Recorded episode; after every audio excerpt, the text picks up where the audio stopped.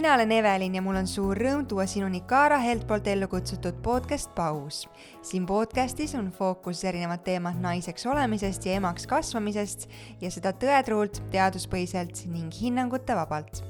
tänases saates jagab oma lugu ja mõtteid emaks olemisest kolme poja ema, siiras, vahetu ja paljudel teemadel täiesti nakkavalt kirglik Liisu räägime ootamatust ja traumeerivast sünnituskogemusest, rasedustest, ema-naise rollist, kohustuste jagamisest ja abi vastuvõtmisest.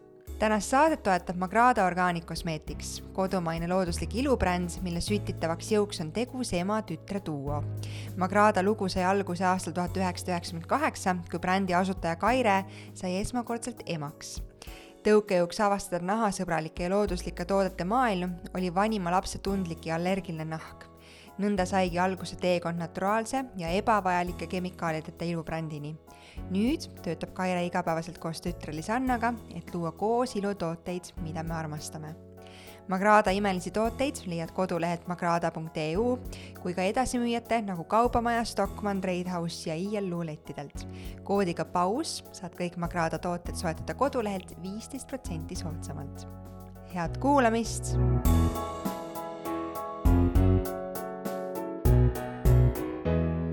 tšau, Liisu! Tšau, Evelin! ma tean seda, et sa oled väga paljudel teemadel hästi kirglik ja mul on tunne, et sa oled ka selline väga detailsusteni teemadesse süübiv, nendesse teemadesse, mis sind ja su pere puudutavad. Äh, ja oma kirega paljude teemade vastu oled sa ka hästi paljusid teisi nakatanud. aga täna me ei räägi ei vaipadest, ei pannidest, ei kortsuplaastritest kortsuplaastritest ega kõikidest muudest headest asjadest, mis võib-olla äh, paljudel sinuga seostuvad mm, -hmm. küll aga me räägime täna lapse ootusest ja sinu kogemusest ja sinu äh, kolmest vahvast poisist ja mida nemad sulle siin elus õpetanud on? räägime sa jõudsid mulle meie, me tegime ühe sissejuhatava kõne sinuga mm -hmm. ja sa mhm. jõudsid mulle selle käigus öelda äh, midagi, mida ma ei teadnud ja natuke piinlikkusega, sest ma saan aru, et sa tegelikult oled seda jaganud, aga et su äh, rasedused olid, olid riskirasedused äh,. jah, esimene ei olnud riskirasedus kaksteist olid riskirasedused eh, ja mitte sellepärast, et mu esimene oli keiser, noh, vaata öeldakse ju ka, et kui sa esimese oled keisri sünnitanud, siis sa sinu järgnevad rasedused igal juhul on pisut kõrgema riskiga, et sind jälgitakse rohkem, sinu haava kontrollitakse rohkem. aga jaa, mu kaks järgmist rasedust äh,, me nüüd hüppame sellest esi-, esimesest võib-olla niisugused äh, kergelt traumaatiliselt lõppenud sünnitusest üle kahe riskiraseduse juurde, aga aga nendega oli niimoodi, et äh, minu keha millegipärast äh, mõlemal kahel viimasel rasedusel täpselt, kui kaksteist nädalat oli täis saanud, hakkas äh,, midagi läks valesti ja mul tekkisid hästi suured vere, vereeritsused.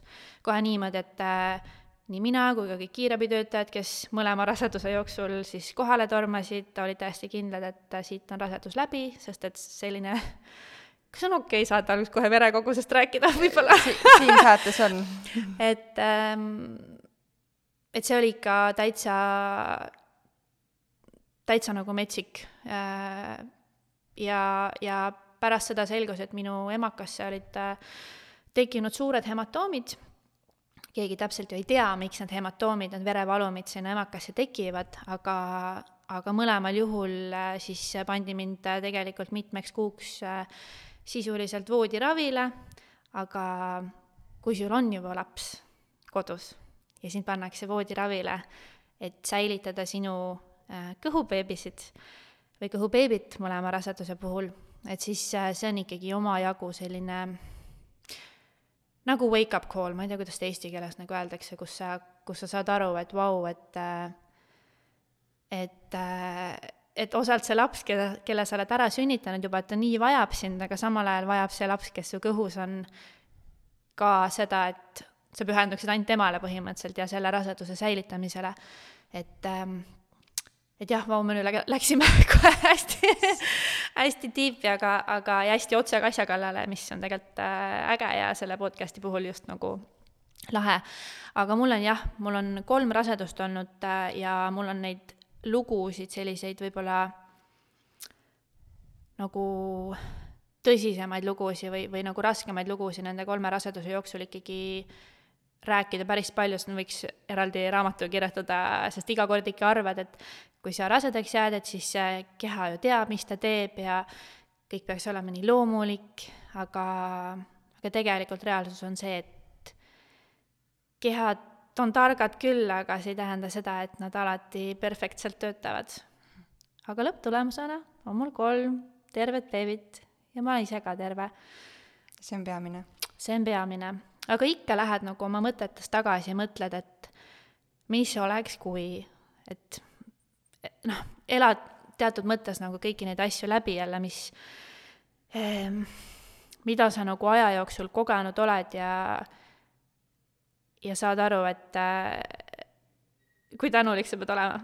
Et kui sa, kui sa vaatad oma igapäevaprobleeme ja, ja, ja mingisuguseid mõttetuid vaidlusi riietumise ja söömise ja lasteaeda mineku teemal, siis korraks, kui tuleb nagu meelde, et oota, et mis ma nagu läbi, läbi pidin tegema selleks, et siia täna jõuda, siis tänane probleem on ikkagi pissmeres sõna otseses mõttes, et see ei ole üldse oluline. Et selline hea nagu meeldetuletus vahepeal endale, et, ähm, et äh, et need beebid ei sünni siia niisama lihtsalt nipsust, et oled rase ja siis sünnitad ära ja siis hakkad olmemurede pärast tegelema, et olmemuredega tegelema, et et tegelikult see teekond on ikkagi metsikult pikk, enne kui sa sinna riietumise probleemideni jõuad. Ma hiljuti uurisin ühte statistikat, väga, väga kurba statistikat ähm, selle kohta, et äh, pered, kus on üks laps äh,, miks on otsustatud see, et see jääb nii mm. -hmm. ja ilmselgelt see on iga pere enda otsus ja see on mm, -hmm. see on väga tore, kui on üks laps või mm -hmm. mitu last või kuidas keegi endale mm -hmm. leiab, et nende peresse sobib.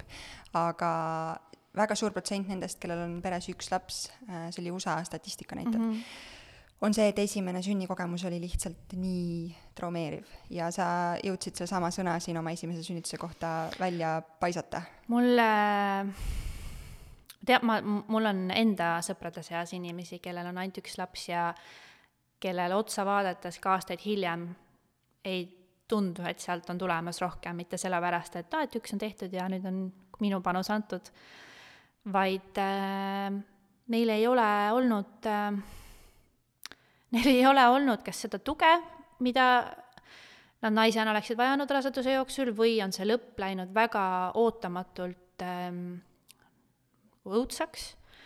ja minul endal ka tegelikult ähm,, kui ma olin kakskümmend neli, ma jäin rasedaks ja ma olin meie siis tolleaegses seltskonnas kõige esimene, kes lapseootele jäid ja me olime ikkagi tol ajal, tolle, issand, nagu sada aastat tagasi räägiks, aga tolle aja mõistes ikkagi eh, väga noored ja, ja meie, esiteks me väga ootasime seda rasestumist ja, ja beebit.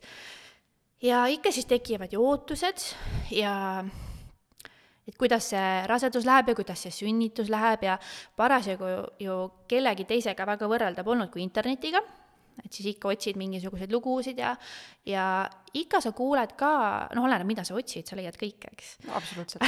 Aga, aga et ähm, ikkagi sa tahad ju ja sa peadki endale sisendama, et sinuga läheb kõik hästi, et see, see oleks ikkagi täiesti ebanormaalne, kui sa otsid ainult kõige õudsemaid lugusid ja, ja maalid endale mis tahes õudsa stsenaariumi ette, et sa pead sisendama, et sinuga läheb kõik hästi ja mina, mina, kes ma muidu inimesena olen reaalselt kõige hullem muretseja üldse äh,, siis mul oli kuidagi raseduse, vähemalt esimese rasedusega ja sünnitusega selline tunne, et ei no ma ju ka ikkagi hingan selle lapse välja, nagu ma joogas harjutamas käisin, mina ise olen iseenda nagu käigu, käe, käekäigu eest vastutav, mina ise saan kontrollida ja juhtida, kuidas mu sünnitus läheb.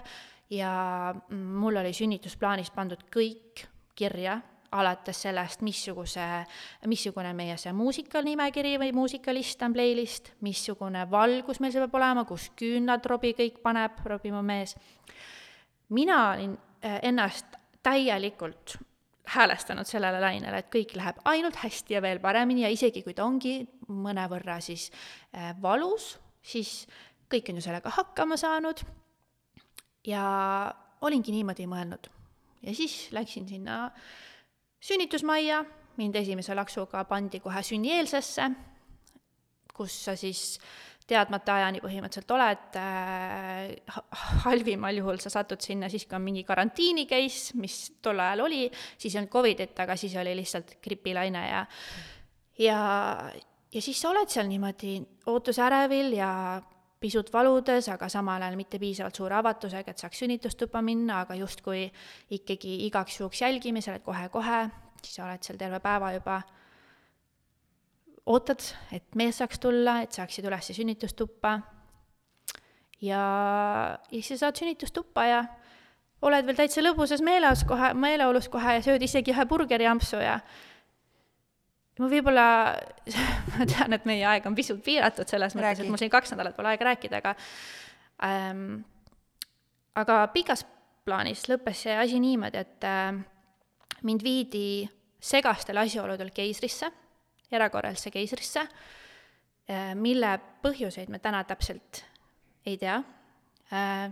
ruumis olev ämmaemand ja naistearst läksid omavahel tülli, stiilis ämmaemand ütles, et kui, kui tähendab, naistearst astus sisse ja küsis, et ähm, mis ta küsis, ta ei küsi midagi, ta tõi keisripaberid, ütles, et, ütles, et see tüdruk läheb nüüd keisrisse äh,. ämmaemand ütles selle peale, issand, siin ei ole ju näidustust otseselt äh,, et ähm, miks see tüdruk, et miks te võtate sellelt naiselt sünnitamisõiguse ära või sünnitamise võimaluse ära, ise sünnitamise võimaluse. mille peale naistearst äh, selle peale siis äh, mõnitavalt nähvas, et äh, kas teie vastutate selle naise elu eest siis ise. ja mina, kes ma olin seal sünnitustoas olnud viisteist minutit, ei saanud asjast mitte üldse mitte midagi aru, sest et minu jaoks äh, lihtsalt mitte mingisuguseid selgitusi ei antud, mu mehele visati paber, et pange allkiri alla, et ta läheb keisrisse, ja see, mis pärast seda juhtus, on minu jaoks lihtsalt täielik nagu black out, sest ma ise olin ärkvel, kui, kui William sündis keisriga. Aga kuna ämmaemand ja arst olid seal omavahel sõjajalal ja mina sel hetkel ikka veel ei saanud aru, et miks mulle keisrit tehakse, et oli küll korraks jutt, et beebi südametöö läks üles, aga ämmaemand oli täiesti kindel, et see oli sellepärast, et ma olin kotttooli istunud ja mul oli nagu kehv asend.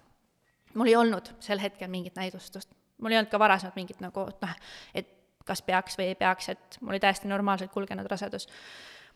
ja ähm,. ma väga vabandan, et ma nii otse küsin, aga sa ei tundnud sellel hetkel või äh, Rob ei tundnud sel hetkel, et ütleks ei, stopp? kõik käis nii ruttu, kõik käis nii ruttu äh,. sest et mina, ma olin sünnitustoas jõud-, ma olin täpselt vahetuste vahepeal, kaheksa null viis, kaheksa nelikümmend viis sündis William juba keisriga, ehk siis kõik käis väga-väga ruttu äh,. ja, ja kui ma seal opitoas olin ja nad lõikasid kõhu lahti nagu hundil, on ju kelle, kellelt vanemad lõigatakse ja punamütsikest päästetakse hundi kõhust välja umbes niimoodi, et selgitusi jagatud, ma saan muidugi aru, inimesed teevad tööd, eks, et, et operatsioon ja keiser on ju ikkagi ülitõsine operatsioon.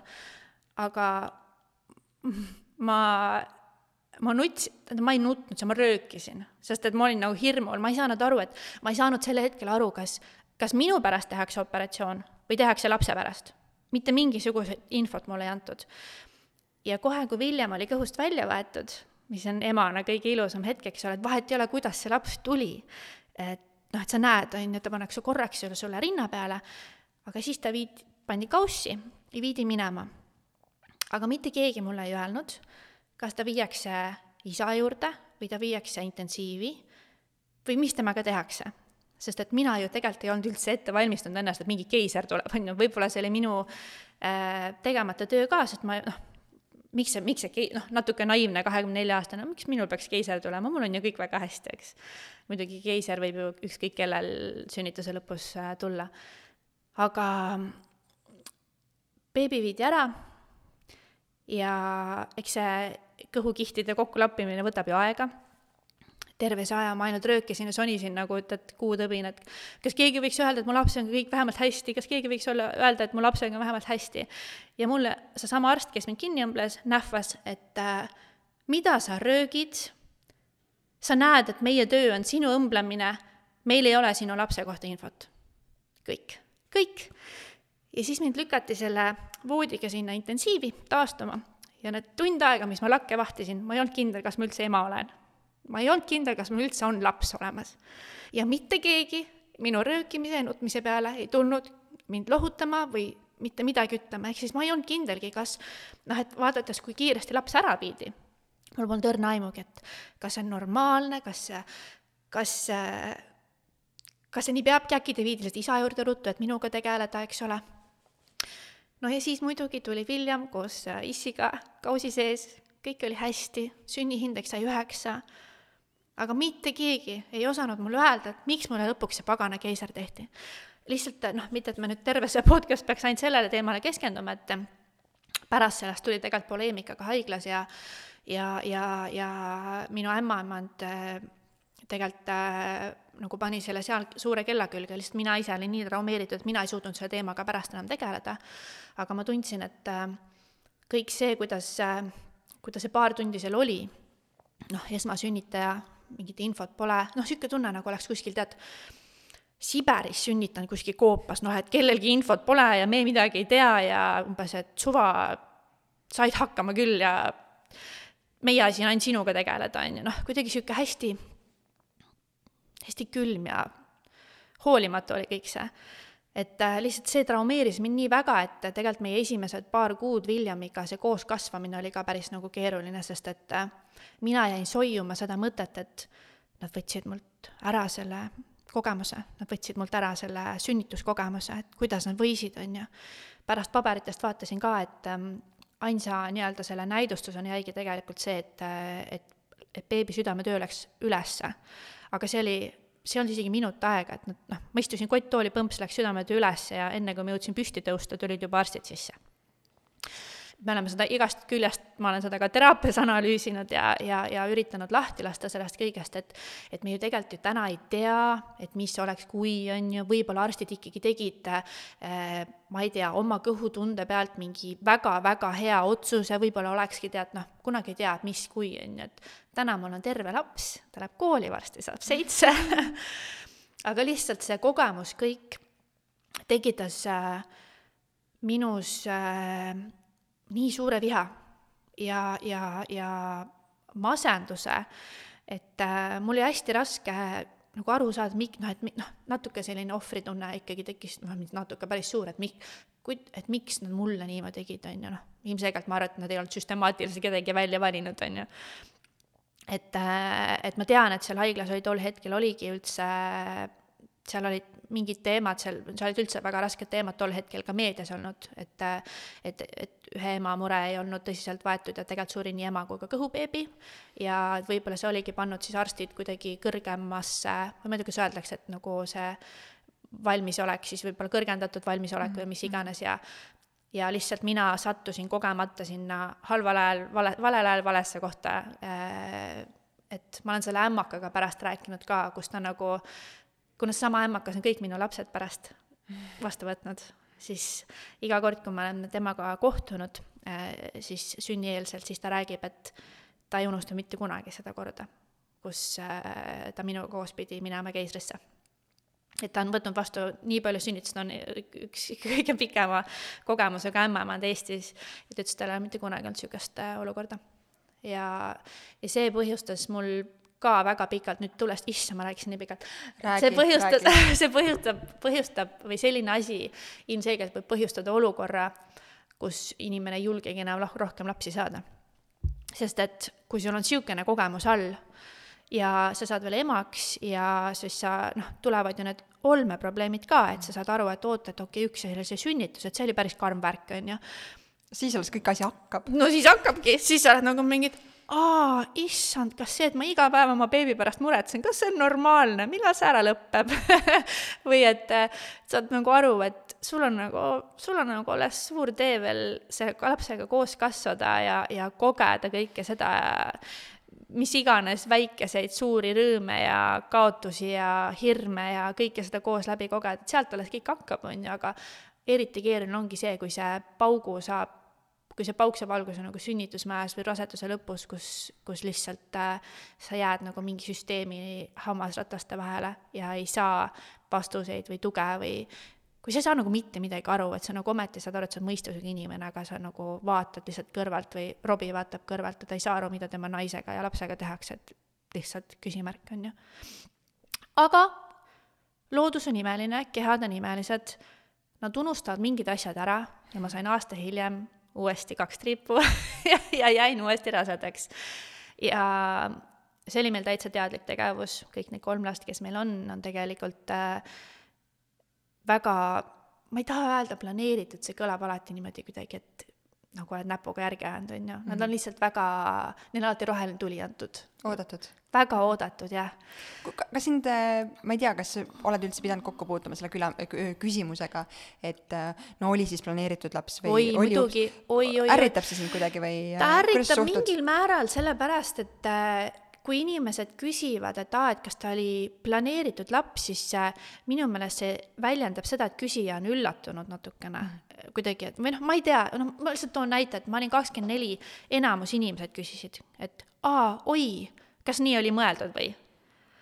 et see, et me, meie olime oma keskis Robiga teinud selle otsuse enamus inimesi arvasid, et meil juhtus lihtsalt ups, et me ei osanud kummi kasutada või et ma unustasin pilli võtta, mida ma ei tarbinud.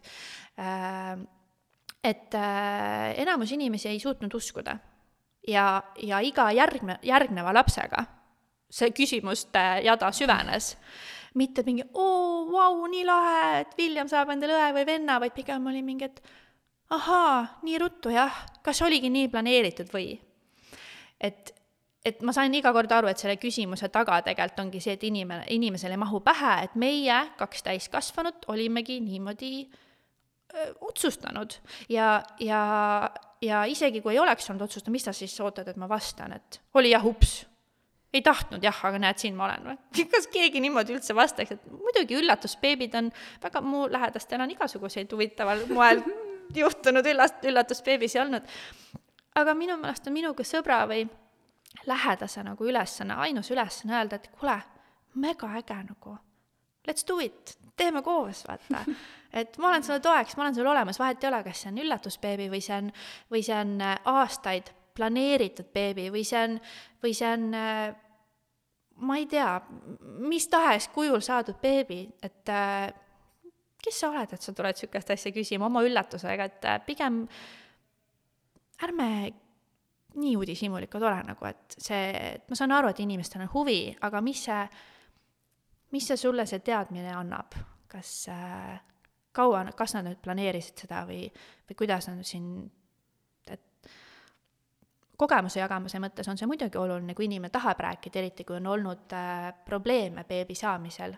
et kui ta tunneb, et see on, et on valmis rääkima sellest ja jagama, aga laias laastus seda küsimust küsitakse pigem niisugustelt inimestelt vist, kes tunduvad veidi nagu sellised vastutustundetumad nagu. tead, mul on tunne, et seda küsimust küsitakse kõigilt, sõltumata mm. sellest, äh, mis eluetapis või kui vanad või noored need inimesed ka ei ole, kes lapse saavad. aga mul tuli praegu sinu loo peale meelde see, kuidas äh, ma olin just sünnitanud ja mind viidi siis sellest, äh, ma esimese hooga sünnitustoast jõudsin ühispalatisse mm -hmm. ja sealt siis, kui tuli äh, õde ilmselt mm -hmm. mulle appi, et mu kodinad ja perepalatisse mind suunata, siis äh, tema võttis mu asjad ja mina lükkasin seda last selle kausi sees kausi sees just. ja, ja ta küsis, poiss jah? ja mm -hmm. siis mhm. ma üt-, ma mäletan lihtsalt oma sõnu, ma ütlesin, et jaa, väga oodatud poiss mm. -hmm. ja tema ütles, oi, kui kaua te siis ootasite mm? -hmm. ja ma vastasin nagu, et mis mõttes, et üheksa pikka kuud mm -hmm. ootasin ju yeah.. ja tema selle peale ei no mis see üheksa kuud sa ära oled, teised ootavad palju kauem mm. -hmm. ja see mhm. kuidagi on siiamaani, ma mõtlen, et, et äh, lihtsalt kummaline, kuidas inimesed arvavad, et neil on õigust mm -hmm. äh, oma arvamust ja. või oma suhtumist või selliste küsimustega, et oli planeeritud või oli ups, üldse suunata sind. ma tean tegelikult, et mitte keegi ei mõtle üldiselt sellega halba, aga see ongi lihtsalt see, et vahel me ütleme oma sõnadega või kas või isegi teatud tooniga, me, me võime põhjustada inimesele mingi haava niimoodi, et me ei saagi aru ja loomulikult, eks see on nagu mõlemapoolne, et, et me ei saa alati oma sõnu valida, mõeldes, et oo, et, et, et noh, sa kunagi ei tea, et kas inimene on mingi teemaga tundlik või mitte.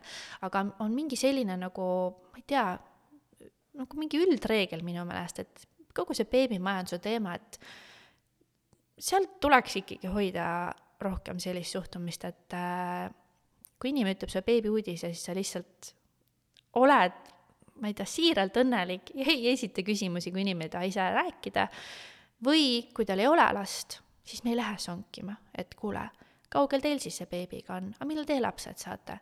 sa kunagi ei tea, mis seal taga on, sa mitte kunagi ei tea, mis seal taga on. Ja ma olen ise nii lähedalt kogenud seda, kuidas äh, mina, meie Robiga oleme oma lapsed saanud, ma ei saa öelda, et kergel moel, mul on olnud täiesti selles mõttes ka next level rasked rasedused, aga rasestumine meie jaoks on käinud lihtsalt ähm, aga samal ajal oli, kui mina kolme aasta ja kaheksa kuu jooksul sain kolm last, kogu selle perioodi jooksul minul üks kõige lähedasemaid inimesi üritas terve aeg last saada. Ja see, mis tundega mina iga kord pidin talle teatama, et ma olen beebiootel, ma ei suutnud talle öelda seda ta on minu kõige lähedasem inimene, ta sai viimasena teada, sest et ma ei suutnud talle öelda, et tead mis või, ma tean, et te teete praegu, praegu viljakusravi ja sa käisid just oma munasarjasi loputamas või munaühas, et täpselt seda protsessi ei tea, vabandust, ma kedagi solvan sellega. ja, ja nad võtavad äh, rohtusid ja, ja käivad, ma ei tea, kikivarvul selleks, et last saada. ja mina tulen, ütlen, tead mis, ma tahan kolmanda lapse. kogu selle perioodi jooksul me oleme koos üritanud last saada. ehk siis äh, ma olen näinud nii lähedalt seda kõike, et ma ei tule selle pealegi, et küsida inimeste käest, kellel ei ole veel lapsi või kellel on üks laps või kaks või mis tahes kogus lapsi, et noh, millal siis järgmine. või et kuule, sul on kolm poissi, millal siis see tüdrukukene? halloo, veits kohatu või nii et, et noh, mul, mul tekib nii palju küsimärke selles osas, kas inimene lihtsalt, et, et ma tean, et ta ei mõtle halba aga järelikult tal endal puudub väga lähedalt kogemus, sest muidu ta ei uuriks, sest et muidu ta, muidu ta saaks aru, et ta oma küsimisega ja oma liigse uudishimutsemisega võib äh, põhjustada selle, et ma lähen nutan patja kodus. Sa tõid välja selle, et sünniplaan oli sul väga detailselt koostatud, mis kõik vastu taevast. absoluutselt, keegi ei vaadanud seda, keegi ei näinud kui palju sa olid valmistunud selleks, mis äh, pärast seda ees ootab? sest ma saan aru, et või ma eeldan mm, -hmm. vabandust, kui ma seda teen, aga, aga teise ja kolmanda lapse sul, puhul sul mingigi teadmine on, et kuidas neid mähkmeid ikkagi vahetada ja äh,? sa mõtled, et kuidas siis mu nagu see päriselu, päriselu siis esimese lapsega oli või ja, kuidas üleüldse? Ta oligi see, et esimese lapse järgselt äh, samamoodi minu nõuandjaks oli internet, eks ole, mul äh, mul ei olnud sel hetkel äh, sõbrannasi, kellega koos mingeid beebijuttusid arutada ja, ja kellelt niimoodi nõu küsida ja ja meie vanemad olid tol hetkel eriti just äh, oma tööasjadega väga hõivatud. tundsid sa puudust sellest kuidagi? tema alati selline olnud, et ma pusin ise, aga ma võib-olla oleks lihtsalt äh, väga hinnanud seda, et et mul oleks keegi, kes uksest sisse sada-, vabandust, uksest, uksest sisse sadanud ja öelnud, et kuule ma lähen nüüd äh, beebiga jalutama, pane ta kärusse valmis, toida ta ära ja sina loe raamatut, mine pessu, maga, telli süüa, tee mis tahad. vot sellest ma tundsin küll puudust, aga me oleme Robiga kogu aeg endale sisendanud seda, et äh, lapsed me ikkagi tegime iseendale ja me teame küll mõlemad, kui oluline on see lause, et äh, last kasvatab terve küla. aga kui küla on hõivatud, siis äh, teadsime seda ka enne, kui me oma lapsi hakkasime planeerima. et, ähm, et ma tean, et me, me teadsime kogu aeg, et me, et me saame hakkama ja eks võib-olla ma oleks ise lihtsalt just äh, esimese lapse ja ka teise lapsega pidanud äh, ise rohkem suud lahti tegema ja, ja ütlema, et, ähm, et äkki tahate lapsed võtta. et ma, ma nagu, ma ei ole abi küsimises väga tubli ma ikkagi kuidagi olen enda ja Robbie peale hästi palju lootnud alati ähm,. Aga ma olen ajapikku aru saanud, et tegelikult sa ei saa nagu eeldada inimestest või olla inimeste peale, oma lähedaste peale solvunud, nad ei käitu teatud moel, kui sa tegelikult ei ole neile öelnud, et kuule, tegelikult mulle meeldiks selline asi. ja meil on äh, meie lastel on väga-väga tublid vanaemad ja väga tublid vanaisad, lihtsalt äh, ka neil endal on alles teismelised lapsed. ja, ja meie võib-olla ülesanne noorte lapsevanematena on ka tegelikult lihtsalt öelda, et kuule, et äkki, äkki tuled, võtad, viid lapsed jalutama või mängid nendega ja me läheme Robiga kuskile, et äh, selle ma sain selgeks alles kolmanda lapsega. Aga see oli siis ka, kui ma kolmanda lapse sain, et siis ma lõin enda ettevõtte ja kuidagi avastasin, et oota, et äh, tegelikult nagu laste kõrvalt jõuab igast asju veel teha, et, ähm, et siis kuidagi ma olin nagu sunnitud rohkem abi paluma, aga ma sain aru, et kui ma tegelikult abi palun, siis inimesed aitavad mind, nad on olemas, aga lihtsalt esimese kahe lapsega ma kuidagi tundsingi, olin, mängisin natukene niisugust ähm, solvukat ka, et no kui nad ei leia aega, siis äkki järelikult pole tähtis. Aga see ei ole ju tegelikult tõsi, et äh, et ilmselgelt me oleme oma perele olulised, aga ma arvan, et kuidagi tänapäeva ühiskonnas on, ühiskonnas on see, et saab abi see, kes kõige kõvemini karjub. Ja kui sa ei karju ja ei ja ei, ei, ei nuta või ei ole mentaalselt kuskile auku vajunud niimoodi, kõik teised näevad, et siis äh,, siis eeldatakse, et nad saavad hakkama, neil on kõik hästi, näeme sünnipäevadel, munadepühadel, et, ähm, et aga jah, ma, ma oleks kindlasti soovinud võib-olla rohkem sellist, äh, et kuule, ma nüüd, ma nüüd võtan selle käru ja ma lähen teen see kümme kilomeetrit sinu eest ja sa lihtsalt vedele, vaata. seda ma oleks tahtnud küll. kui esimeselt lapselt teisele minek ja teis- ja kahe, esimeselt kahele ja kahelt kolmele mm -hmm. võrdlusesse võtta, siis milline sinu enda jaoks mhm. naisena on olnud kõige raskem üleminek? või ka üldse Kind,? jaa, ma saan aru, mis sa mõtled. kindlasti nullilt ühele oli äh, kogu elukorralduse ja iseenda identiteedi ja üldse sellise tea, elu täiesti uueks kujunemise mõttes kõige suurem väljakutse, seda enam, et see esimene emadus ju algas ikkagi korraliku pauguga sealt, eks ole, keisrilõikega. Ehm, et see küll, kõik see, see oli ka võib-olla asi, milleks võib-olla nii palju ma ennast ette ei valmistanud ja ma ei kuulnud ka sel hetkel, et oleks väga sellele tähelepanu pööratud, et et või võib-olla ma ei osanud seda ridade vahelt välja lugeda. et see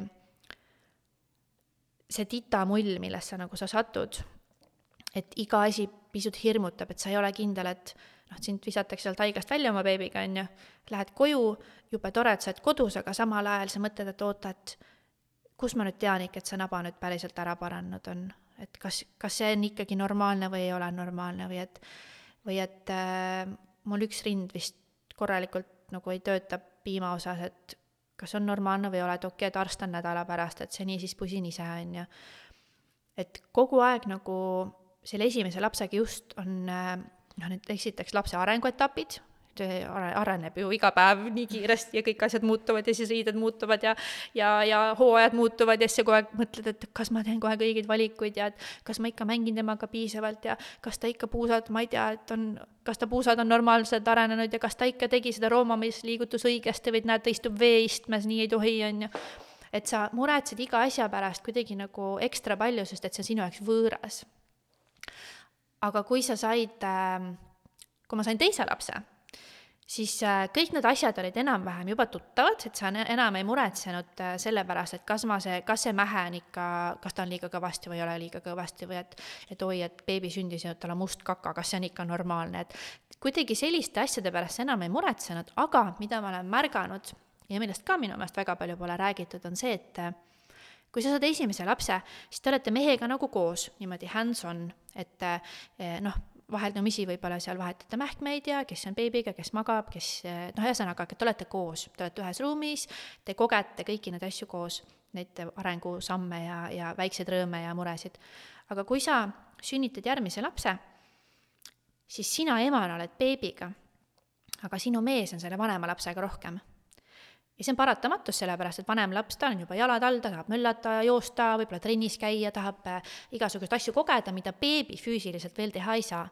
aga sel hetkel ma mäletan, kuidas mul tekkisid kohutavad süümepiinad. sest et kui me varem olime Robiga koos igasuguseid asju teinud, et noh, koos kussutanud magama ja koos laulnud ja, ja koos äh, Äh, ma ei tea, öösel üksteisele nagu ruumi andnud, siis järsku me magasime täiesti eraldi, sest mina magasin beebiga ja mu mees magas suurema lapsega, sest et tema vajas ka kedagi enda kõrvale. ja noh, see suurem laps oli ka meie kaisus kogu aeg, aga lihtsalt me ei mahtunud kogu aeg sinna voodisse ära. ja siis, äh, või siis noh, lihtne näide, et äh, suurem laps tahtis kogu aeg õue minna ja möllata mänguväljakule, aga beebi oli näiteks tõbine, ei saanud, eks ole. ja kuidagi ma tundsin mingi hetk, et issand, et ma ei näe oma suuremat last, sellepärast et ta on mehega kuskil kas ära või on lasteaias ja õhtul ka üks paneb ühe lapse magama, teine paneb teise lapse magama ja mul korraks tundus see, tundus nagu niimoodi, et issand, et meie pere oleks nagu kaheks. ja siis see süütunne, et ma ei veeda piisavalt palju aega oma suurema lapsega, et kas ta üldse mäletab mind või et noh, sa oled nagu ühes ruumis, ühes kodus, aga aga su lapsed on nii erinevate vajadustega, et sa saad aru, et sa suudad hetkel täita ainult selle kõige pisema vajadusi, sest et ta on füüsiliselt sinu küljes kinni, et ta, ta vajab rinda, ta vajab äh, su lähedust, eks ole ehm,. noh, mida saab isa ka aeg-ajalt anda ja siis ma saingi aru, et oota, stopp, et tegelikult kui ma olen beebi ära söötnud ta saab olla ka isaga ja ma saan ise minna suurema poisiga. aga siis jäi ikkagi see mure, et oota, aga meie Robiga ei tee enam asju mm. koos, sest et ikkagi me olime kogu aeg ära nagu jaotanud, et üks tegeleb ühega, teine teisega, eks ole. et ma oleks võib-olla tahtnud, et keegi oleks siis julgustuseks öelnud, et kuule, see on normaalne, üsna varsti võtab see beebi ka aina liikuvama kuju ja te hakkate koos jälle neid asju tegema, et ta ei maga ainult päev otsa, et te saate, ärkveloleku aeg pikeneb, te saate koos hakata õues käima niimoodi, et mõlemad saavad osa, on ju. et, ähm, et, et teise lapse sünni mõttes ei olnud nagu lastega harjumine keeruline või, või selle nii-öelda uue lapse harjumine, harjumisega keeruline, vaid just see, et et siin on nagu pere tempo ja dünaamika muutusid täiesti, et kui enne tegid koos, siis järsku üks tegeles nagu ühega ja teine teisega aga kui sa kolmanda said või kui me kolmanda saime, siis me läksime koju ja vaatasime, et nüüd on kolm last ja ja elu läks edasi nii nagu ta oli läinud. et see ongi kuidagi nagu naljakas, et mida rohkem sul neid lapsi on, seda, seda ma ei tea, kõik, kõik tuleb nii loomulikult, et äh, loomulikult ma sain aru, et nüüd mul on üks käsi vähem, ma olen selles mõttes, et meie Robiga oleme ala äh,, kuidas öeldakse nagu äh, vähemuses. -hmm. meil on lapsi rohkem kui meid sellest me saime kohe aru, kui me lapse, lastega koju tulime, et nii, nüüd on niimoodi, et on aru saada, et äh, neid on rohkem kui meid, on ju. potentsiaalne probleemi koht, et sa ei saa enam niimoodi ennast ära jaotada või see on ühel alati suurem koormus kui teisel.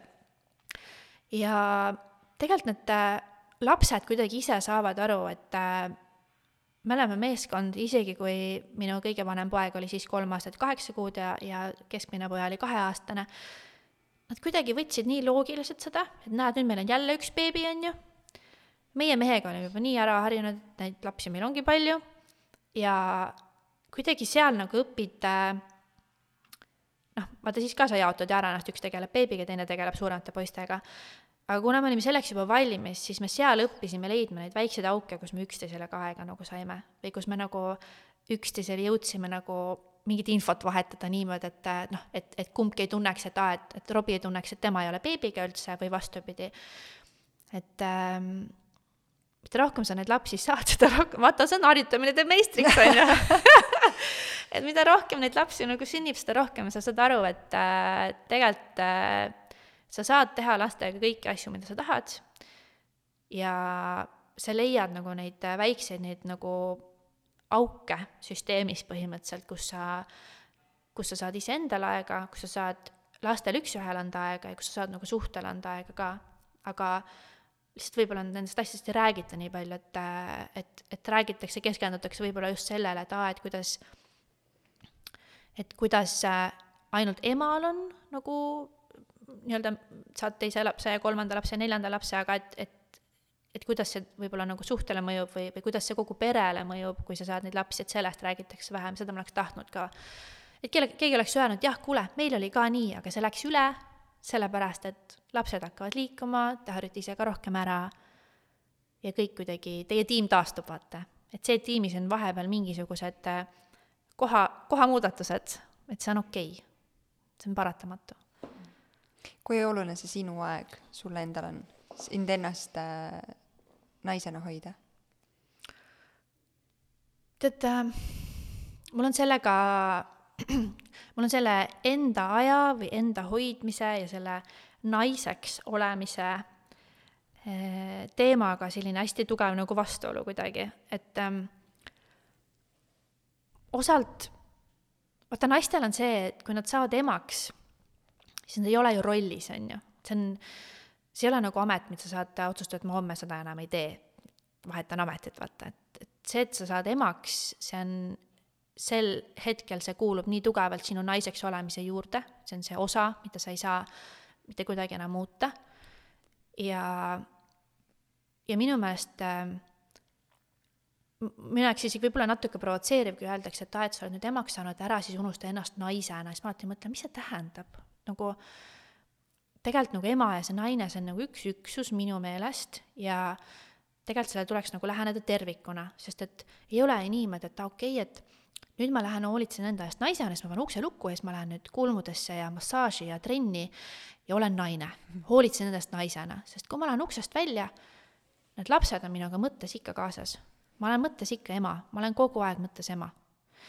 ja, ja, ja mäletan, kui ma esimesed lapsed sain, siis ma ka hästi palju, mul sõbrannad just ütlesid, no vaata, et sa nüüd ennast naisena ei unusta ära ja minu jaoks kuidagi, ma lugesin sellest välja seda, et et ma pean enda välimuse eest hoolitsema.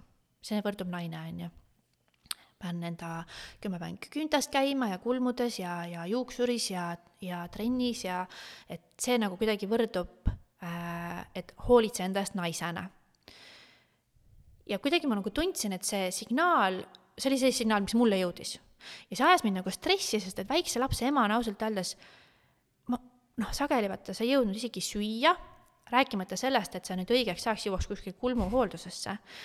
aga noh, et ikkagi noh, tegelikult noh, kui niimoodi rääkida, endal on ka tore tunne, kui on juuksed värskelt tehtud ja kulmud on ilusad ja kõik see, aga aga ma kuidagi nagu tundsin, et see tegelikult ei täida minu tassi selles mõt-, võtmes nagu öeldakse, et hoolitse enda eest äh, naisena. et toredad protseduurid, aga et tulin koju, ma olin tegelikult rohkem väsinud, siis ma tundsin, et aa, et nüüd äh, ma ei tea, mul on mingid asjad tegemata, mis ma tegelikult olin planeerinud ja ja siis, kui tuli see Covidi esimene laine, kus vaata ei saanud minna trenni, noh, sa ei mhm. tohtinud kuskile minna, sa istusid kodus, eks.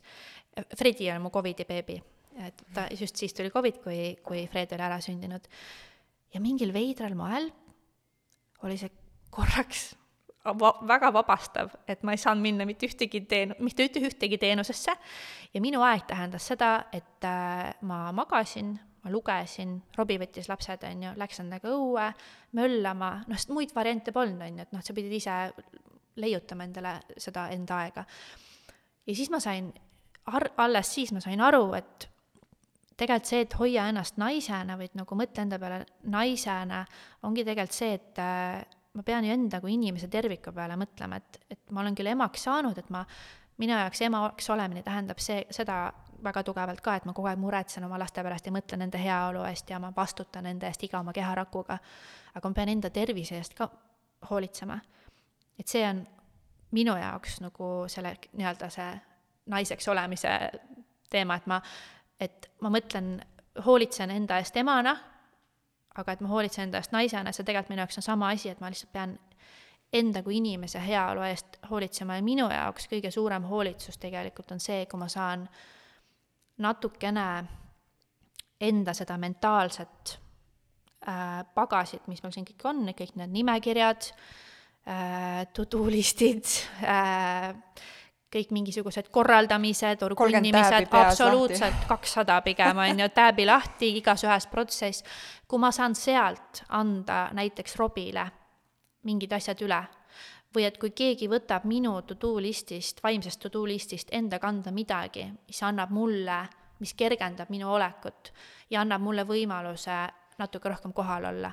see on minu jaoks see, kus, kus ma saan lasta enda eest inimesena hoolitseda, kui ma olen, kui ma olen valmis natukene ära andma enda koormat. mul on sellega hästi keeruline olnud terve elu jooksul, et anda seda vastutust ära või, või, või vähemalt see, öelda sõnadega, et, et minu jaoks on seda kõike liiga palju ja mul on vaja, et mul on vaja abi, on ju, seda pole hästi raske olnud öelda, aga me oleme Robiga küm-, varsti üksteist aastat koos olnud ja ma olen selle aja jooksul õppinud, et äh, inimesed ei näe minu pähe ja kui mina ei ütle, et ma, mul on vaja aega lihtsalt olla, siis äh, keegi ei tule mulle seda niisama pakkuma ka, sest et inimesed näevad, ah küll, no nagu ma rääkisin ka vanematest, nad saavad hakkama, ta saab hakkama, Liisu on tubli, Liisu on tubli, ma kohe terve nagu, Liisu on tubli, ta saab hakkama et see on nagu ma võin tubli olla, aga ma tahan ka korraks täpselt, olla. täpselt, et see ongi vaata see, et kui peas on need kakssada akent lahti, mis kogu aeg protsessivad, siis see võtab minult paratamatult võimaluse olla hetkes või olla kohal, sest et ma olen küll füüsiliselt kohal, aga mu ajus kogu aeg toimub mingisugune vastutamine, üks suur vastutamine kõige eest. ja minu aeg ilmselt ongi see, kui kui ma tunnen, et ma saan ilma igasuguse kontrollivajaduseta anda mingid teemad näiteks Robile või oma emale ja öeldagi, et kuule, please tegele nendega, ma tahan need oma peast ära unustada. Ja siis ma saan näiteks minna, ma ei tea, saan niimoodi minna massa-, massaaži, et ma saan seal magama jääda. Minu jaoks on ideaalne massaaž kus ma magama jään, sest siis ma ei mõtle mitte millelegi, sa jääd magama ja keegi mudib sind, on ju. Või ma saan lugeda või ma saan lihtsalt magada niimoodi, et ma ei pea planeerima mis iganes asju või vastutama, et see minu jaoks enesehoolitsuse või endast naise, või kuidas ma siis ütlen, ähm, enda eest naisena hoolitsemine on see, et ma teen suu lahti ja ma ütlen, et, äh, et äh, mul on äh, nende asjadega abi vaja või et selleks, et ma saaksin lõõgastuda, mul on vaja, et keegi teine need asjad ära teeb võib-olla, ma tean, et on palju naisi, kes on palju vähem muretsejad kui mina, kes suudavad olla rohkem kohal, aga mina isiklikult ei suuda. ja minu, minule ei aita, kui keegi ütleb, et noh, ära siis muretse või et mine siis äh,, mine siis võta nüüd oma aega. mul on enne vaja mentaalselt, et ma saaksin veenduda, et keegi on minult mingi teatud koorma maha võtnud selleks, et ma saaksin reaalselt minna ja tehagi midagi ja nautida, mitte et ma lähen kuskile, muretsen samal ajal oma laste pärast või, või mis iganes muude asjade pärast.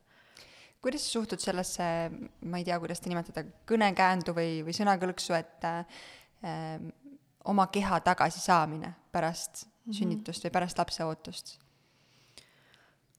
ma saan, puhtfüüsiliselt ma saan täiesti aru, sellepärast et sa jagad seda keha kellegiga üheksa kuud. ja see, ja sa, sa sõna otseses mõttes saad selle keha endale tagasi, sest et sa oled selle keha siis ainus nagu kasutaja edasi, on ju. see kõlab väga hästi, kui sa seda ütled. ei no saad aru, noh, sõna otseses mõttes, et, et muidu mingi tüüp üürib su pinda, on ju, kõhus ja siis, ja siis sa sõna otseses mõttes saad pinna vabaks, vaata. et kui niimoodi öelda, et ma saan aru sellest lausest, aga aga kui me läheme nagu sügavamale selle, selle teemaga, siis ma tegelikult äh, ma mõistan ähm,, ma mõistan selles mõttes, ma olen kolm korda rase olnud. Ja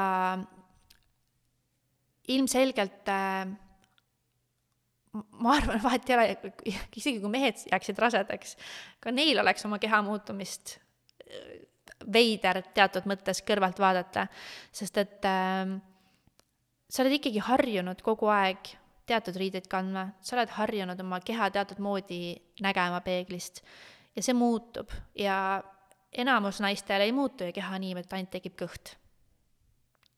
noh, minu ootus oli ka see, et oh, no ilmselt tekib mul ainult kõhukene, aga ilmselgelt tekkisid mul ka suuremad käed, lõualott, suurem tagumik, suuremad reied, tissid, mul on tissid muidugi alati suured olnud, aga aga, aga see oli muidugi next level jah, et kui sa hakkad kuulma nagu inimesed kommentaare mingeid vau. Wow. siis mul on mingid ok, minu praegune igapäev. Täpselt, aga aga seda on loomulikult ähm, ma ei taha öelda raske kõrvalt vaadata, sellepärast et see on midagi, mida tuleb läbi teha selleks, et äh, see beebi endale saada ja me, ma, ma olin sellega algusest peale leppinud, aga ma ei saa öelda, et see oleks, seda oleks iga päev olnud ilus peeglist vaadata. ja ma kindlasti raseduse lõppudes, lõppudel ei tundnud ennast kunagi ilusana ähm, sest et ma tundsin ennast raskelt. Ja võib-olla see on kuidagi seotud nagu sellega, et äh, kui mul ei oleks, kui mul oleks raseduse lõpud olnud sellised, et mul ei oleks kaks kuud olnud nagu seda tunnet, et mul reaalselt noh, see sümfüüsivalu oli metsik, mul oli, mul oli väga raske magada, mul oli alaseljavalu, et kõik see tekitab, juba see, et sa tunned ennast, et sul on füüsiliselt valus kuskilt, juba see tekitab sul enda välimuse suhtes ka tunde, et aa ah,, et millal see kõik ära lõpeb ükskord, et ma tahan oma keha tagasi, et ma saan, ma saan sellest aru, ma olen ka ise seda lauset öelnud, et issand, ma tahan, tahan oma keha tagasi niimoodi, et nagu tahan oma keha selles mõttes tagasi, et ma tahan, et see oleks nagu üheksa kuud tagasi, kus ta ei valutanud, on ju. aga, aga üleüldises mõttes ma arvan, et vahet ei ole, kuidas need kehad muutuvad, peale sünnitust ka, nad kindlasti muutuvad, minu keha on ka muutunud kolm korda on võtnud kakskümmend kilo juurde, siis kakskümmend kilo alla, kakskümmend kilo juurde, kakskümmend kilo alla. et äh, ma olen praegu oma raseduseelses kaalus, rasedustee ehk siis kõige esimeses kaalus, mis, mis mul suurem osa elu on olnud, aga mu keha ilmselgelt ei ole endine. aga ma ei tea, kui ma vaatan oma keha peeglist, see on minu keha. mul on, rinnad on mingi sada korda suurust muutnud, reaalselt sada korda ja ma ei tea, ma vaatan neid ja mõtlen, et jumala normid rinnad, noh. kas ma võin nii öelda? sa oled nagu, imetanud oma lapsi? ma olen imetanud kõik kolm korda, ma olen väga pikalt imetanud ka väga,, väga-väga pikalt ja ma olen kõiki lapsi imetanud äh, poolteist aastat, võib-olla isegi torts peale ja vahepeal isegi oli mingi hetk, kus oligi niimoodi, et noh, üks läheb, üks tüüp läks rinna otsast ära, sündis teine, on ju. et äh, sest mu esimese kahe lapse vahe oligi aasta ja kaheksa kuud. ehk siis äh, ma olen väga pikalt imetanud, ma olen väga uhke, et need rinnad on niisuguse töö ära teinud ja ma olen uhke oma keha üle ja loomulikult äh, ma ei saa öelda, et jah, ma võiks nüüd siin äh, päevavalguses, mis on tavaliselt kõige armutum, on ju, võtta ennast täiesti paljaks ja seista mingi tuhande inimese ees öelda, et mul ei ole ühtegi asja siin, millega ma pole rahul. loomulikult on midagi, mis ma mõtlen, noh, ma ei tea, noh, see võiks parem olla, on ju. aga ma ei näe ennast minemas noa alla selleks, et taastada midagi, mis oli teismelise keha tegelikult. sest et ma olin siis tegelikult teismeline, põhimõtteliselt hilisteismeline, on ju. ma ei igatse seda otseselt. Äh, kui ma vaatan, vaatan neid äh, puusade peal neid tiigritriipe, siis mul ei teki seda tunnet, et issand, kui rõve. ja mul ei teki see ilmselt sellepärast, et äh, Robbie meelest on see armas. kui ta vaatab mind pärast kolme last, siis ta ütleb ikkagi, Liisu, sa oled nii äge, nii ilus naine. vahet ei ole, kas mul riided seljas või mitte. ja minu meelest on see, ma ei tea, seda podcast'i väga palju mehi ei kuula, aga nagu ma nii väga loodan, et need naised, kes seda kuulavad, et et neil on mees kodus, kes pärast seda, mis need kehad on läbi teinud, vaatavad neid täpselt sellesamas veits kiimase pilguga ja ütlevad, et mussi nagu, sa oled mu lemmiknaine, noh. ma väga-väga loodan seda, sest et see annab enesekindlusele nii palju juurde. ja see on see põhjus, miks ma, ma näen, et Robbie nagu, ma et Robbie oleks isegi võib-olla pettunud, kui ma ütleks, et kuule, et tähendab, ma, ma, ma ei, ma ei tee mitte kedagi, ma ei, mitte arvusta mitte kedagi, kes on lasknud oma rinnad korda teha pärast sünnitust või, või kes on lasknud kõhud korda teha või, või mis iganes muid asju teha, sest et see on äh, tugevalt iseenda enesetunde küsimus. Ja kui ma, võib-olla kui ma vaataks ja ma oleks iga päev mingi asju üle nii õnnetu, võib-olla ma laseks ka ära teha, ma ei tea, ma, ma ei tea, sest et ma ei oska kommenteerida, mul seda kogemust. aga ma arvan, et mu keha ei ole perfektne kuskilt. aga samal ajal ta on minu keha ja ma olen tegelikult rahul sellega, sest et ta on teinud vinge töö ära ja kui Robbie, kes näeb veel mind kõrvalt, vaata ennast kõrvalt võib-olla isegi keerulisem vaadata, sest me oleme alati kriitilisemad enda suhtes, aga kui Robbie kes näeb mind ise iga päev, ütleb, et Mosi, kõik on super nagu, ära muretse, siis mul ei jäägi muud üle, kui mõeldagi, et siis on väga hästi. ma väga loodan, et, ähm, et kõigil on kodus üks Robbie, kes ütleb ka, et tead mis, et nagu vahet ei ole, mis, äh, kus on mingisugune lõtvunud nahk või, või mingid triibud või või, või mis iganes märk sellest, et sa oled tegelikult nagu lapsed siia ilma toonud. see on, me tegime koos seda, lihtsalt sina pidid oma kehaga selle noh, nii-öelda oma keha mõnes mõttes ohverdama, aga see on asi, mida mina tegelikult olen ka oma sõprade nais-, tähendab oma sõbrannade meeste pealt näinud, et nad hindavad seda väga, hindavad oma naisi ja hindavad oma naisi sellistena, nagu nad on. Ja minu meelest on see väga ilus ma olen nii nõus ja see tunnustus, see, et sinu kui naise enesekindlus tõuseb, teeb sind õnnelikumaks, paremaks emaks, paremaks kaaslaseks, see annab nagu nii suure äh, mm, tulemuse seal taustal, mida võib-olla lihtsalt see üks lause, sa näed nii hea välja, sel Jah. hetkel võib tähendada, aga sama minu meelest on ka meil naistena oma meeste ees mm -hmm. või, või nende isade ees, et äh, me kuidagi, meie haarame okei okay,, mina haaran vähemalt, ma tean seda nagu enda kogemusest, et mm, -hmm. et nii raske on usaldada kuidagi, et mina ju tean, et mina selle lapsega ei komista Jah. ja mina mängin temaga neid õigeid arendavaid mänge ja blablabla bla,, on ju. et aga see, et kiita isa tema tegevuse eest Jah. see annab talle enesekindlust selle lapsega edasi toimetada ja, ja uurida ja paremaks muutuda kõik Jah. eda, nii edasi. täpselt, et see ongi, see ei ole ju see, et aa, et ma tulen täna siia, siis inimesed küsivad, et kus siis lapsed on, on ju. no kus, tõenäoliselt kas lasteaias või isaga, et aga nad, nad, et see laste isa, ma, ma, ma alati nagu ütlen, et, et äh, laste isad ei ole nagu lapsehoidjad, on ju. Nad on isad, nad on täpselt sama palju väärt nagu teie emad äh, ja nad saavad hakkama nagu lihtsalt, kui te annate neile võimaluse näidata, et nad saavad hakkama ilma teie juhenduseta. loomulikult mina, ma olen täielik kontrollifriik, loomulikult ma tahan, et mu mees annaks minu äraolekul täpselt minu äh,, minu siis äh, kriteeriumite järgi sööki, vitamiine, smuutid ja kõike seda, on ju. aga reaalsus on see, et kui ma olen ära, näiteks olin neli päeva Brüsselis just, nad tegelikult sõid neli päeva kas tatart või pitsat.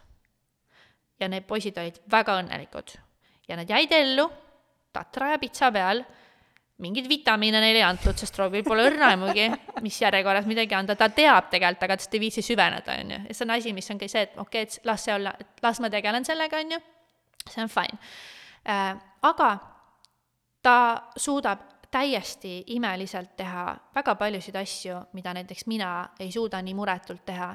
Ja me ei peagi olema ühesugused lapsevanemad, me oleme täiesti erinevad inimesed, me oleme täiesti erinevate traumadega lapsepõlvest, me anname oma lastele edasi täiesti erinevaid asju, aga me oleme kokku hea tervik ja hea tiim. ja mulle meeldib näha, et Robbie tegelikult ei ole nagu mina, vaid ta on laste isa, ta peabki olema teistmoodi. Ja ma tahan, ma alati julgustan teda ka ja ütlengi, et see on minu meelest äh, nii äge, see on minu meelest kõige seksikam asi, kui isa on oma lastega tegus. kui ta lastega mürab, kui ta lastega möllab, kui ta lastega ise läheb kuskile, see on, ma märkan teisi mehi alati, see on minu meelest kõige seksam, mida Robile üt- ütlen ka alati, issand, see on nii seksikus, kui ma märkan äh, mehi lastega mänguväljakul. ja mitte neid mehi, kes lihtsalt istuvad oma telefonis on, vaid neid mehi, kes lastega kiiguvad ise, möllavad üksteist taga ajavad, issand jumal, kui seksikas vaatepilt nagu ja see, ma ütlen Robile alati, see ma ei julge sind mänguväljakul lasta, sellepärast et need naised, ma tean, kuidas nad vaatavad, mina vaatan ise teisi täpselt samamoodi, ma ütlen, nii ilus vaatepilt, need mehed, nad on nii, noh, ma räägin, et see, ma ei tea, kas see mingist vanusest hakkab see, et nii ilus vaadata ju siis Robbie ütleb, jah, ma tean, sest ma märkan neid pilke enda peal, kui ta läheb kolme lapsega, saad aru, ta läheb kolme poisiga, läheb mänguväljakule, eriti kui me linnas elasime. siis ta ütleski, et ja inimesed tulevad minuga rääkima, kas need on kõik sinu omad, issand, kui tubli mees, issand, kui tubli isa, et sa tulid niimoodi julgelt, siis Robbie alati tuleb koju, ütleb, mina ei saa aru nagu, mille eest nad mind tunnustavad, ma olen laste isa, lähen lastega mängima, aga see on nagu, naistel läheb nagu mingi asi sees kohe käima, et no kohe, kohe hakkab see viljakus kuskil viljakus mootor siin sees töötab, mingi, tahan veel lapsi. kui see saade kuidagi hästi positiivselt lõppu veeretada mm. -hmm.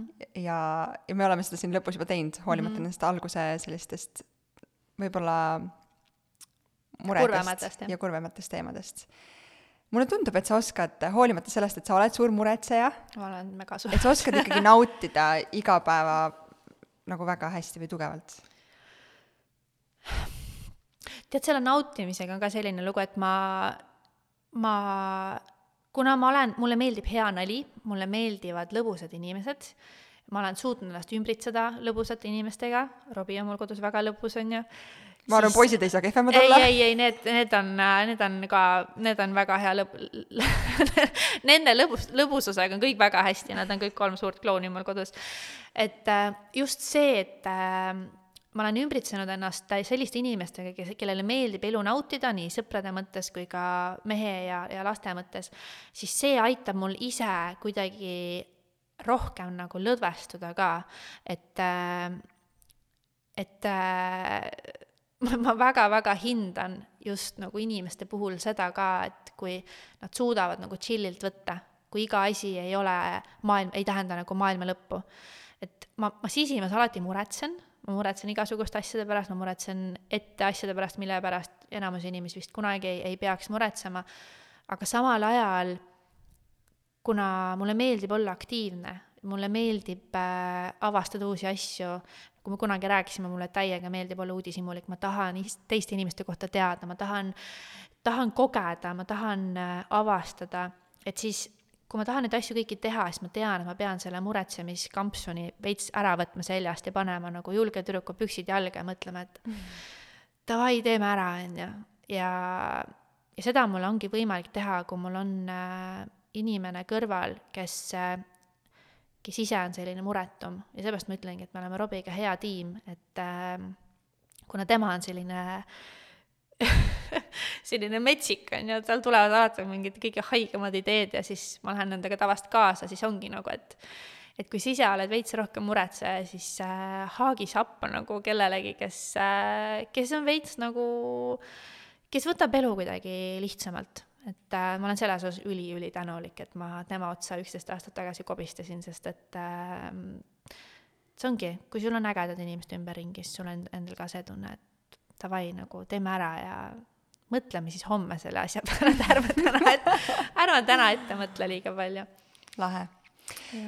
nii Kaarat kui seda podcast'i paus äh, saadab üks äh, märksõna mm -hmm. äh, või omadus teha kõike hinnanguteta mm. -hmm. ja sinuga siin vesteldes ma olen ka, mul on kuidagi tekkinud arusaam, et äh, sa suhtud, sa tõid, sa tõid välja selle uudishimu mm, -hmm. aga sa suhtud end ümbritsevatesse inimestesse, nende lugudesse, kõigesse ilma hinna, esialgselt mingit hinnangut andmata sa tegutsed igapäevaselt äh,, oi jumal, sul on nii palju töid ja tegemisi, see, kui sa rääkisid, et kolmsada tääbi peas lahti ja iga, kõik process ivad samal ajal midagi, ma ei, ma ei üldse kujuta ette, kuidas sellega hakkama saan, jututeema teiseks korraks, aga aga kui sa teed kõiki neid asju ja sotsiaalmeedias paratamatult sa oled kogu aeg väga paljude valvsa pilgu all mm, -hmm. on sul selle hinnanguteta äh, suhtumise või elustiili olemise, olemuse juures äh, miski, mis on sind muutnud selliseks või on see sulle hästi loomuomane? ei, see on ikka see, et ma olen kunagi oma vitsad saanud elus ja kuna mulle nagu oma sõprade seltskonnas ikka vahest meeldib öelda, öelda, et ma olen sihuke suure suuga eit, on ju kõlab juba halvasti, aga see on aus. et äh, mul on alati mingi arvamus asjadest ja, ja mulle meeldib äh, rääkida palju, aga ma olen äh, tegelikult saanud juba päris varakult niisuguse varateismelisena ja, ja, ja pärast hiljem elus ka ikkagi aru, et ähm, et õigel ajal tuleb osata suu kinni hoida või siis tuleb küsida küsimusi, kui sa ei saa millestki aru. ja mulle tegelikult äh,, issand, ma ei mäleta enam, kes ütles selle kuulsa lause, et äh, et äh, sa, et kui mulle inimene ei meeldi või et noh, see kõik oli kuidagi niimoodi, et, et sa ei meeldi mulle piisavalt, vaid sa ei meeldi mulle, see tähendab seda, et ma ei tunne sind veel piisavalt.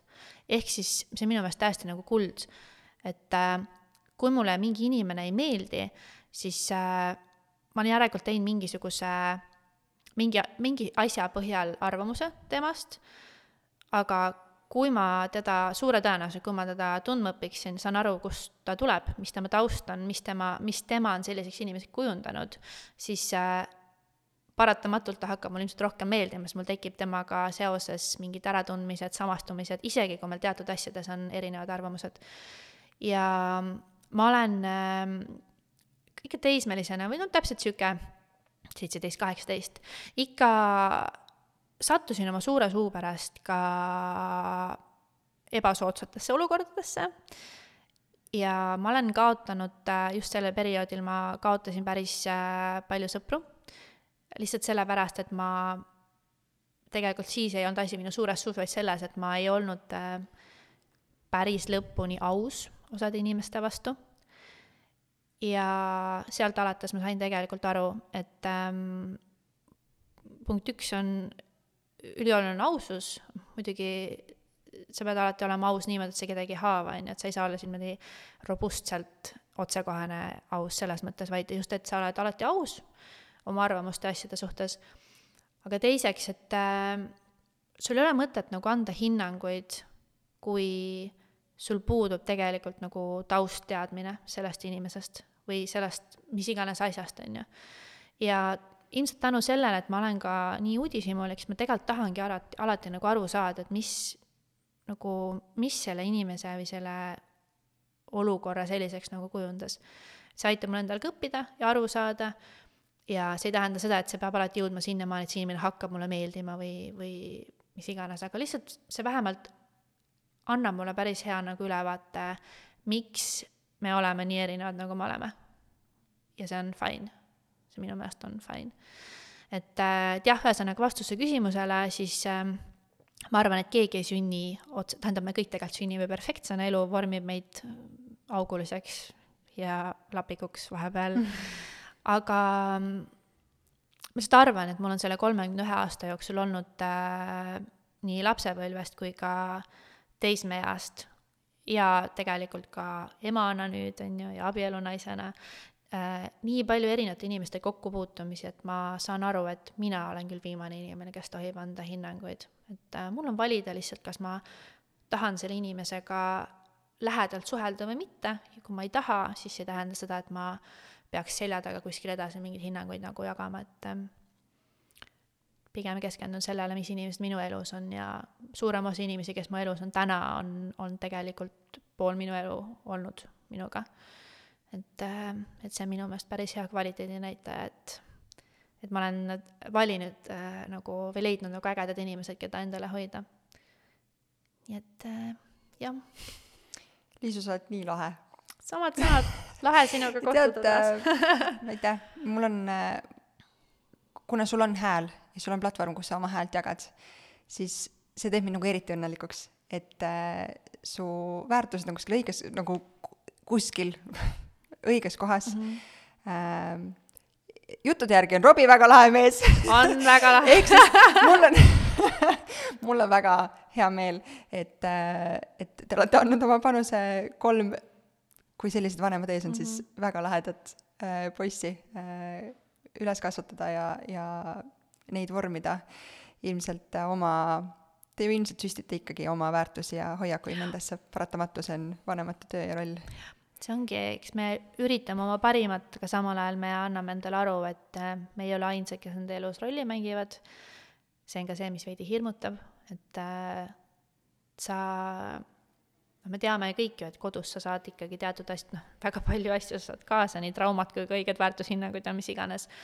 aga just ongi, et mõeldes sellele, kuidas William mul läheb praegu kooli, siis äh, minus, sellises ülemuretseja kanaju emas, on ju tekitab ikka täiesti, no võtab ikka väga kangeks, sest ma saan aru, et nüüd on see koht, kus, kus äh, ta hakkab tegelikult nägema, missugune on elu päriselt, sest vaata, kodus ja lasteaias on nad tegelikult ikkagi päris hästi nagu hoitud, jälgitud äh,, jälgitud selles mõttes, et, et äh, nende töö on mäng, on ju ja, ja nad saavad äh, hullata ja möllata ja, ja kuidagi saavad niimoodi olla lapsed, aga tegelikult sel hetkel, kui lapsed lähevad kooli, siis nad hakkavad nagu tööl käima.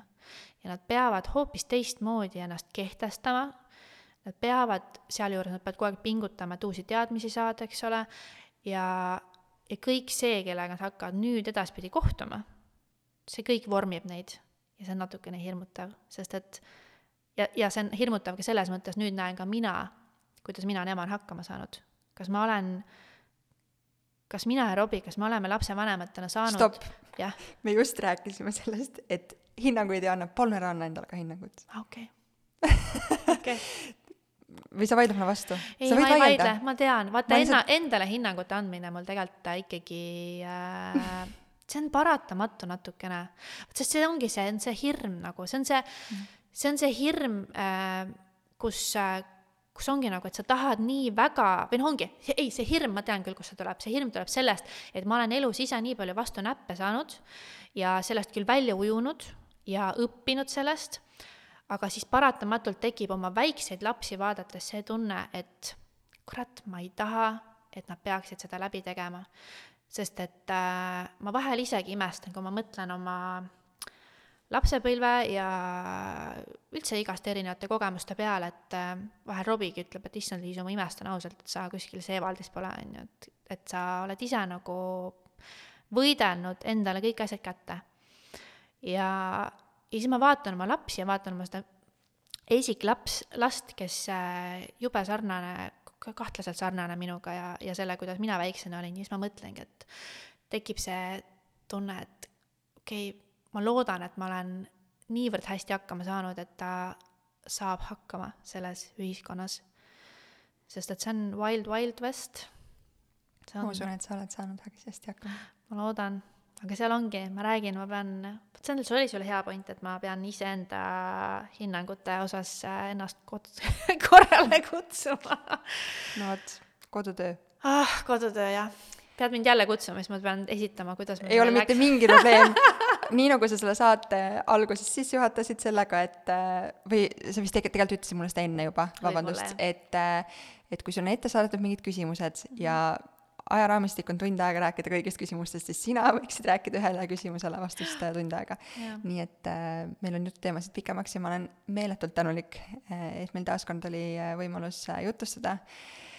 Siit saatest jäi minu jaoks kõlama hästi palju mõtteid ja ma usun, et kõik võtavad alati selle mingitest, ma ei tea, podcast idest, teostest mm, -hmm. millest iganes välja selle, mis neile hetkel oluline on, aga äh, ma loodan, et keegi, kõik, kes seda saadet kuulasid, pärast selle saate lõppu või kuulamist ei lähe küsi tuttavatelt, et kas oli ups beebi või oli planeeritud kõige muu kõrval. jah, ja ah mul on tegelikult nii palju soovitusi, mida, mida veel mitte küsida mida, mida küsida, aga üleüldine mõte tegelikult on lihtsalt see, et äh, elame oma lähedastele kaasa, vahet pole, millega nad nagu toimetavad ja palju neid beebisi saavad või ei saa ja kuidagi, ma ei tea, lihtsalt oleme siiralt olemas, et niimoodi me ei põhjusta mitte kellelegi tahtmatult.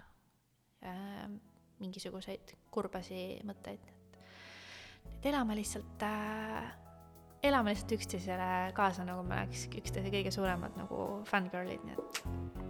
teeme nii. ma olen uhke su üle, ma olen tänulik sulle. ma tean, et äh, mu sõnadega tulevad väga paljud teised ka kaasa ja ma täiega fännan sind, et elan sulle kaasa, aitäh yeah. tšau. tšau, tšau.